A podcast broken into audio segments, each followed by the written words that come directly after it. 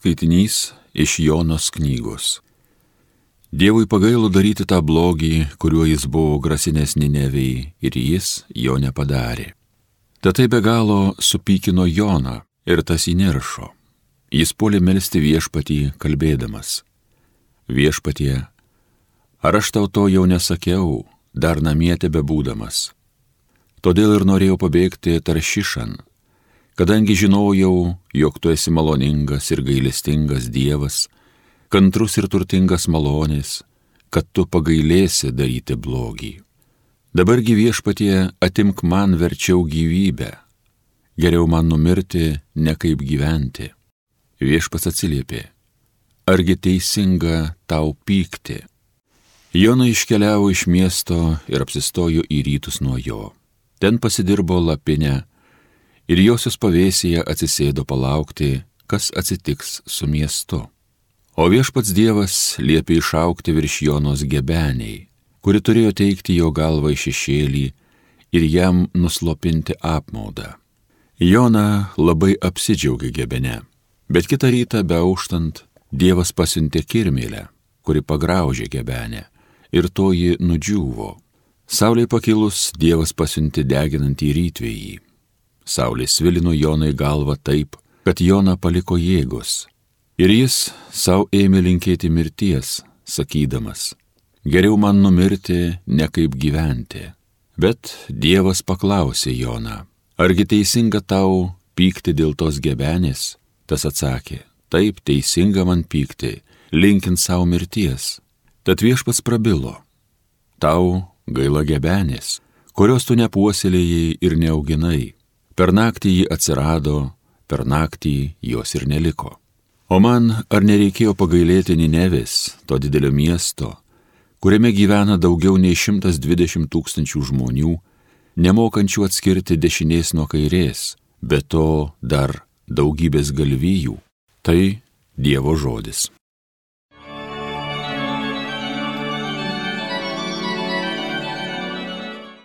Viešpatie, tu gailestingas, rūstaut negreitas. Viešpatie, manęs pagailėki, be paliovos į tave šaukiuosi. Tu savo tarno sielą palinksmink, į tave viešpatie keliu savo dvasę. Viešpatie, tu gailestingas, rūstaut negreitas. Viešpatie, tu meilus, maloningas ir gailestingas visiems, kurie tavęs šaukės. Viešpatie, mano maldos paklausykė, pasidomėkė ko garsiai maldauju. Viešpatie, tu gailestingas, rūstaut negreitas. Visos tavo sutvertosios tautos eis tavęs viešpatie garbint, skelbs tavo vardą, tu esi didis ir stebuklingas, tu tik tai tu esi Dievas. Viešpatie, tu gailestingas, rūstaut negreitas. Alleluja.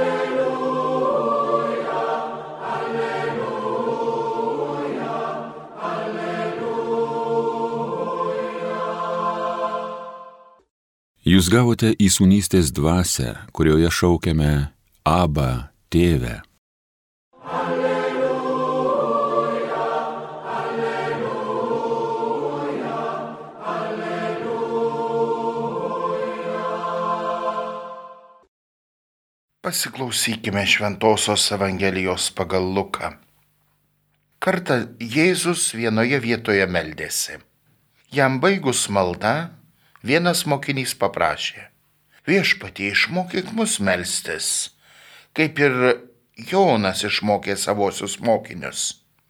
Jėzus tarė jiems, kai melsitės, sakykite, Tėve, tiesie šventas tavo vardas, te teinie tavo karalystė. Kasdienės mūsų duonos duok mums kasdien ir atleisk mums mūsų kaltes, nes ir mes atleidžiame kiekvienam, kuris mums kaltas, ir neleisk mūsų gundyti. Girdėjome viešpaties žodį.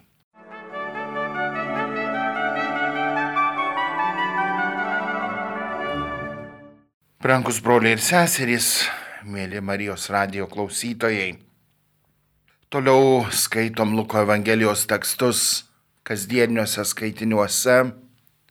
Ir šiandien prieinam prie maldos temos. nepaprastai svarbi tema. Visi esam nuo pat kūdikystės, gal vaikystės, o gal jau ir subrendusio amžiaus kažkieno išmokyti melstis.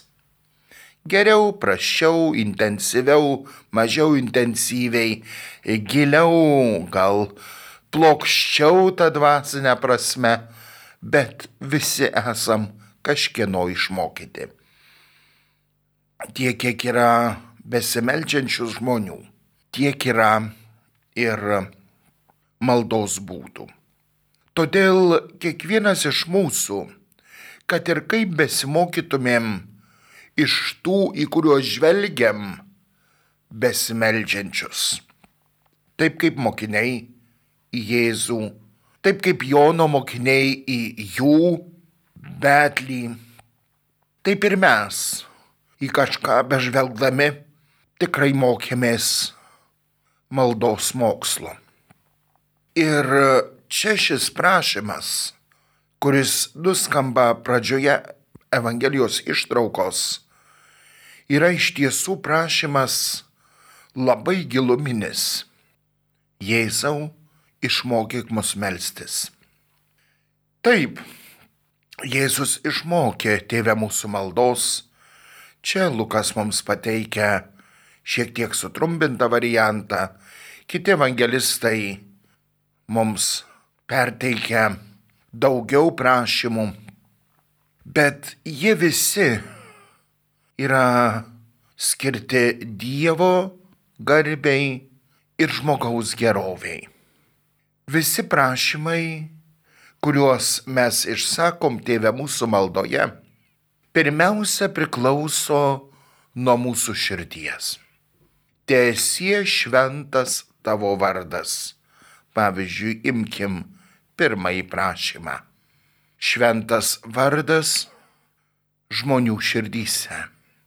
Šventas ne tik tai jo neminint bet kurioje situacijoje ir ant bet kurio kampo, ne tik tai todėl, kad mes jį su nepagarba labai dažnai vartojam, bet tiesie šventas jo vardas mano širdį, mano gyvenime, mano kasdienybei, tiesie pašlovintas tiesie iškeltas į pirmutinę vietą tas, kuris mane sutvėrė ir atpirko. Tai yra jo vardas, jo esmė, jo būtis, jo asmuo. Ir jeigu nuo manęs tai priklauso, jeigu tai yra ir mano dalis, ar aš ją įdedu.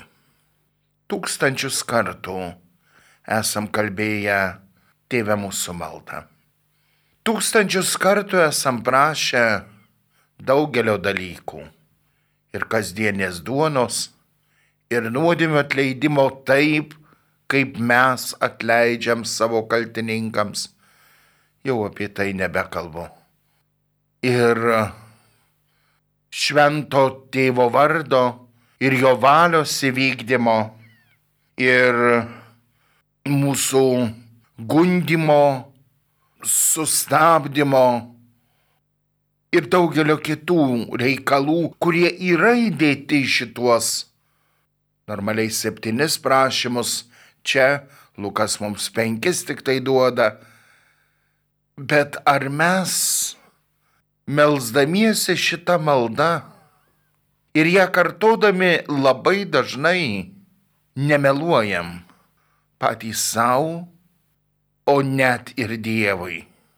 Jei tikrai savo širdį nepagarbinam viešpaties, jeigu iš visos širdies net leidžiam savo kaltininkams, jei nevykdom tėvo valios, tai Kokia ta malda? Melas tiesiai Dievo akis.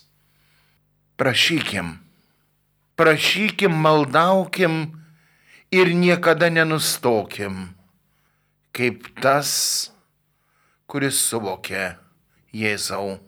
Išmokyk mus melstis. Iš tiesų melstis.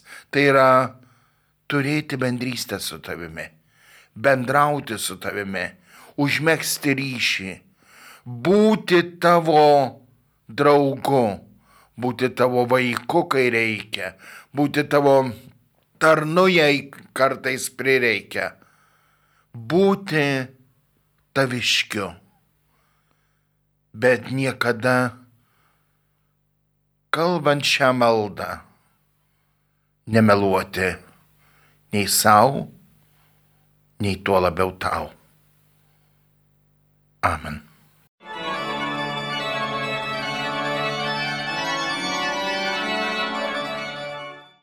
Homilija sakė kunigas Arūnas Kesilis.